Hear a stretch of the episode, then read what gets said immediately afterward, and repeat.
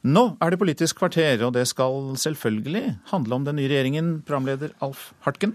Ja da, det skal det. Og vi skal prøve å samle noen tråder og se nærmere på noen av de utfordringene som møter statsrådene i regjeringen Solberg et par timer før hun presenterer dem selv i Stortinget. Og så skal de ferske statsrådene få minst ett godt råd med på veien fra en som har vært med på dette før.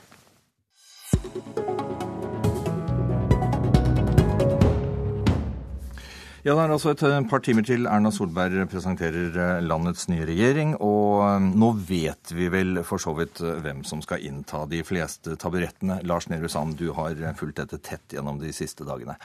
Det kom et par overraskelser fra Solberg i går. Den siste et stykke utpå kvelden. La oss ta det siste først. Tine Sundtvedt blir altså klima- og miljøminister. Hva vet vi om henne?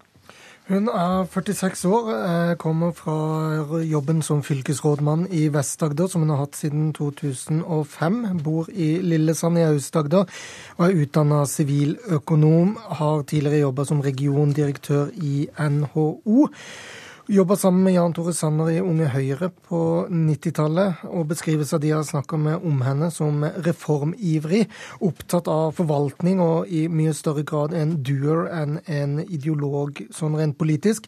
Åpenbart et både klimapolitisk og rikspolitisk ubeskrevet blad, men har allsidig bakgrunn fra, fra fylkesnivået.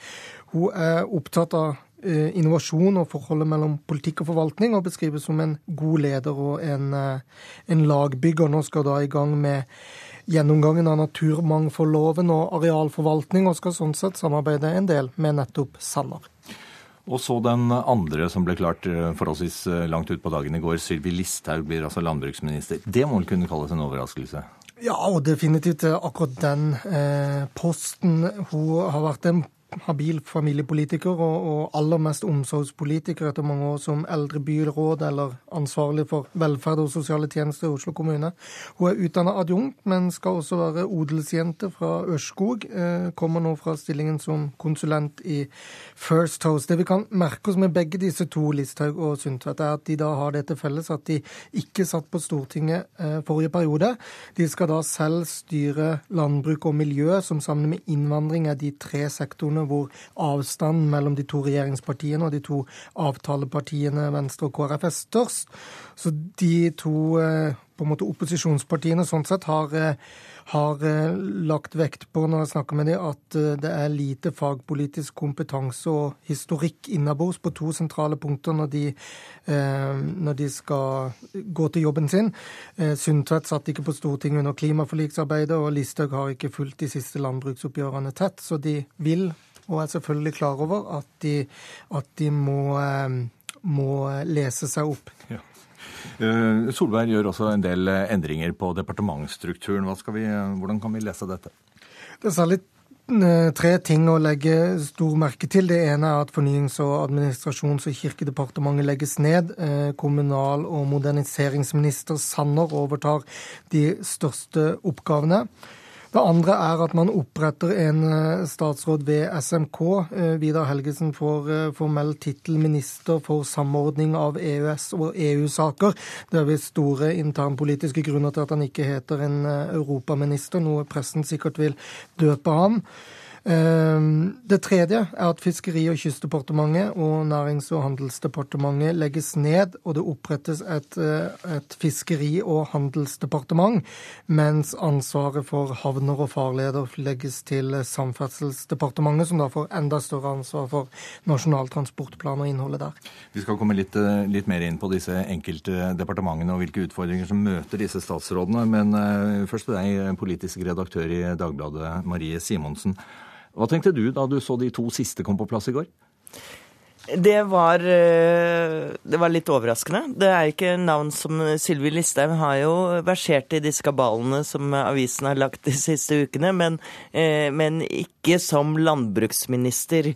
Eh, og det skilles vel også hennes politiske profil. Hun er kjent som en sterk liberalist. Hun har i går, rett etter at, ble, at navnet hennes ble kjent, så, eh, så florerte en eh, kommentar hun har skrevet på nettstedet E24 i sosiale medier, hvor hun sammenlignet norsk landbrukspolitikk med kommunisme på norsk. Eh, og omtalte sin regjeringspartner Høyre som at de hadde eh, eh, bøyd nakken for landbrukslobbyen. Så det var jo i hvert, fall en, hvert fall en heftig start, som kanskje fikk bøndene i landet til å sove litt urolig i natt. Når det gjelder Tine Sundtoft, så er jo hun Eh, kanskje på riksplan eh, et ukjent blad, men, men, for oss som har fulgt med i politikken en stund, så er hun jo en, en Vi vet at eh, Høyre setter stor pris på, og har hatt flere sentrale verv i Høyre også. Men atskillig mindre kontroversiell enn eh, Listhaug? Overhodet ikke kontroversiell. Eh, Trine Eilertsen, politisk kommentator her i eh, NRK. Hvis vi, ser på, hvis vi ser på alle disse navnene, og vi skal blinke ut de mest overraskende, er det de to siste, eller er det andre som, også, som også kom eh, si, som et lite sjokk? Nei, altså Det var nok de to som kom sist. Eh, og Det er vel derfor vi pressen ikke helt har klart å få de ut eh, tidligere også. Som er de største overraskelsene. Så det er klart at når du går inn og ser på fordelingen, hvis den stemmer sånn som vi mener det gjør nå, så er det jo, det er jo flere overraskelser. For det er jo ikke alle her som er satt på departement som rimer med det de har jobbet med i Stortinget i siste periode, f.eks. Og kulturminister Toril Vidvei Eh, Torvildvei har vært et navn som eh, har eh, florert i spekulasjoner, men kanskje ikke på kultur. Og det er jo da ensbetydende med at vi også der vil få Eh, reaksjoner fra sektoren og utfordringer eh, og spørsmål om, eh, om hvor hun står og, hvor dypt engasjementet stikker. Men, men oppsummert, hvis vi ser på laget til Erna Solberg sånn samla sett. Det er mye politisk rutine, det er mye, det er mye politisk kompetanse og, og, lang fartstid på mange av disse her. Det er ikke noe, det er ikke noe lettvektere heller? Nei, det er det ikke. Dette er jo mennesker med i hovedsak to perioder på Stortinget bak seg. Og de har jobbet tett med hver sin partileder i mange år. Partilederen er trygg på de, kjenner de. Eh, og de som er overraskende og kommer fra utsiden, de har også tung politisk erfaring, fra, ikke fra Stortinget, men fra andre nivå. Så det er ikke amatører. Ja. Jeg tror noe både Erna Solberg og Siv Jensen er glad for å vise frem, er Det har vært spekulasjoner om eh, Frp ikke hadde nok folk til å stille et topplag, og at de heller ikke hadde kvinner, og at eh, Erna Solbergs regjering kanskje ikke ville ha ha eh, oppnådd eh, kvinneandelen vi har hatt de siste årene. Men begge de ting slår feil. Er 50 -50, ja. ja. Og Frp har et veldig topptungt, erfarent lag. Uh, det som kanskje er påfallende, er jo nettopp at, at det er denne striglete fløyen av Frp som er inne. I og med at Per Sandberg heller ikke blir med, så er det ikke noe av den litt mer Eh, skal vi si, arven etter Carl I. Hagen er ikke så lett å få øye på i det laget som nå i, skal inn i regjering. Og I dag eh, overtar altså regjeringen Solberg, og til tross for lang politisk erfaring, så er det altså bare tre av disse som har vært statsråder tidligere. Alle de andre går inn til en helt ny oppgave. Og eh, Øystein Djupedal, fylkesmann i Aust-Agder, du er med oss fra Arendal. God morgen. God morgen, god morgen. Du gikk altså inn, inn, i en akkurat tilsvarende situasjon, du, som eh, fra et parti som aldri hadde vært i regjering før, inn i en eh, helt ny post som kunnskapsminister fra SV i 2005. Hvordan du, opplevde du en sånn dag? Det er jo en veldig spesiell dag, fordi at alt er jo helt uh, ukjent. Både det å komme på Slottet, det å treffe Hans Majestet for første gang, hvordan man skal stå rundt bordet, hvordan man skal tiltale kongen og kronprinsen. De kommer nok sånn som vi gjorde, vi kom litt før. Sånn at Jens kunne liksom instruere oss hvor vi skulle stå og hvordan vi skulle opptre. Så det er jo, det er jo sånn ABC ja, Å være statsråd, det er liksom eh, Her er det mye retting på hverandres slipsknuter. Ja, Erik Solheim han reiste seg så kjapt at stolen bikka. Disse store stolene på Slottet det er ikke liksom småtteri, så det var mange kilo som datt i gulvet. Var, Erik også var litt, eh, litt, spent den dagen. Så det er en historie som ikke er fortalt før. Og så inntar man altså eh, departementet. Hva skjer da? Det er jo en rituell bit også. Eh, først så skal man jo få kortet, og så skal det sies noen ord, og så skal det tas imot noen blomster. Ehm, så skal man ha en samtale med departementsråden. Det er det vanlige, som man gjør i tomannshånd. Så kan det være at man treffer pressen, eller, og ikke minst de viktigste embetsfolka vil da stå lina opp om man vil hilse på. Eh, men så når alt dette er ferdig, eh, så sitter man jo plutselig alene på kontoret. Eh, et blomsterpynta kontor. Og da lurer man på hvordan dette skal gå. Et helt tomt skrivebord, et helt fremmed kontor. Du har aldri vært i dette rommet før. Og du vet at utafor døra så er det masse, masse forventninger. Så det er nok Den første ettermiddagen på kontoret er nok veldig spesiell. For da er pulten tom, og alt ligger liksom foran. Og, og da, da gjelder... Ja. Jeg tror tankene for statsrådene da er liksom hvordan skal dette gå? ja, Men da gjelder det også å ha et prosjekt og, og komme på banen veldig raskt. Og det, det må vel de fleste? Ja, det er klart at det, det, som dere også har sagt, det er jo erfarne politikere, men det er de færreste som har vært akkurat i denne posisjonen.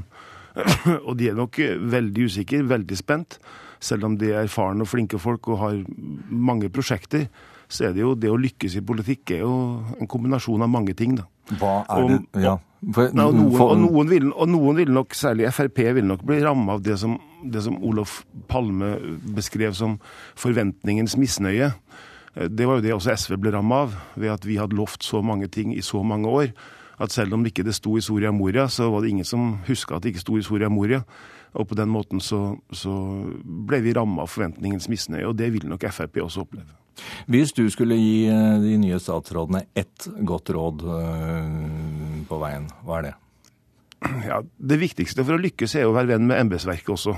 Embetsverket er en statsråds beste venn. Eh, de er lojale. De vil produsere masse motforestillinger mot det man må ta, men de vil alltid være lojale mot den beslutningen regjering og en statsråd tar. Eh, og Sjansene for å lykkes og få kvalitet i den politikk man ønsker, er veldig mye bedre hvis man har embetsverket på lag. Takk skal du ha, Øystein eh, Djupedal. Eh, Marie Simonsen, altså forventningens misnøye. Det er klart at det blir den store, store utfordringen for Fremskrittspartiet. Siv Jensen har vist ved at hun har, har satt inn det laget hun har satt inn, at hun ønsker å ansvarliggjøre Frp fra dag én, og at det kommer til å bli en, en det kommer ikke til å bli noe utagerende utspill og ville kronikker i Aftenposten med det første. Men så har man et lag på Stortinget, så har man tillitsvalgte rundt omkring i landet, og man har mange velgere som har, eh, har Hvor forventningene har vokst i mange, mange år for hva Frp endelig skal gjøre i regjering. Og hvis de ikke får til dette og ikke kan vise til noe relativt raskt, så vil den misnøyen begynne å vise seg, og det gjorde den jo med SV ganske raskt, som Men, husker. Eh, noen av disse her har jo eh, altså Alle har sine prosjekter. Noen av dem er veldig tydelige. Eh, hvis vi ser på en del av disse statsrådpostene, Trine Eilertsen Jan Tore Sanner har det vært snakket om. Han får altså en kjempeportefølje, et digert departement. Ja, det gjør han. Og marsjordren er jo å starte egentlig med kommunesammenslåing og omorganisering og gjennomgang av forvaltningen. Eh, og det er jo ingen av de prosjektene er, er, noe du ser resultater av den første måneden, for å si det forsiktig. Eh, men han har jo eh, den fordelen at han vet noenlunde hva han skal gå i gang med. Det samme gjør Bent Høie, mm. som var jo en viktig del av valgkampen i kraft av både person og posisjon og politikkområdet. Det er jo mer krevende for en del av de andre. og vi vet at Høyre har jo egentlig tilpasset politikk dit å sitte i regjering og jobbe med flere partier i flere år, i motsetning til det Fremskrittspartiet har. Så denne misnøyens eh, Forventningenes misnøye den eh, vil jo ramme Fremskrittspartiet i mye større grad enn Høyre. Bare, du nevnte Høie. altså Han har et langsiktig prosjekt, hvis vi husker, eh, husker valgkampen og diskusjonen om helsepolitikk. Samtidig så får han jo f.eks. Ahus rett i fanget.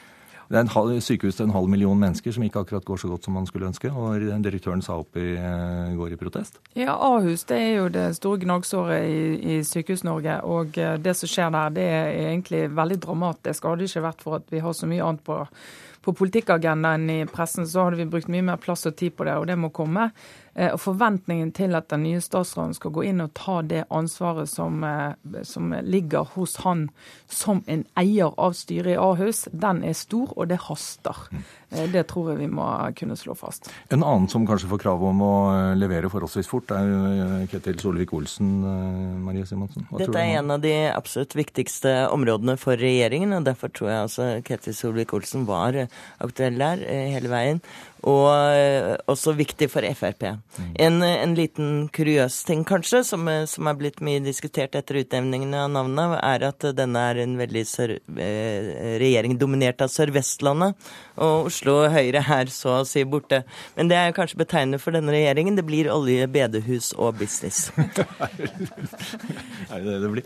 Det speiler i hvert fall eh, hvor disse partiene har hatt sin eh, største vekst, og hvor de står sterkest i, eh, i Norge. Da. De har jo helt klart en helt spesiell posisjon på Vestlandet og lenger sør. Mm. Samtidig så sitter altså Siv Jensen i Finansdepartementet. Ingen lett posisjon å profilere partiet. Det kan vi vel bare slå fast? Handlingsregelen ligger, ligger fast, og det er det aller viktigste. Da har Erna Solberg kontroll. Takk skal dere ha, politisk redaktør i Dagbladet Marie Simonsen, fylkesmann i Aust-Agder Øystein Djupdal, og takk til Trine Eilertsen og Lars Nehru Sand. Nå får vi straks en nyhetsoppdatering før Pettos Nyhetsmorgen fortsetter med Kulturnytt. Dette var Politisk kvarter. Jeg heter Alf Hartken.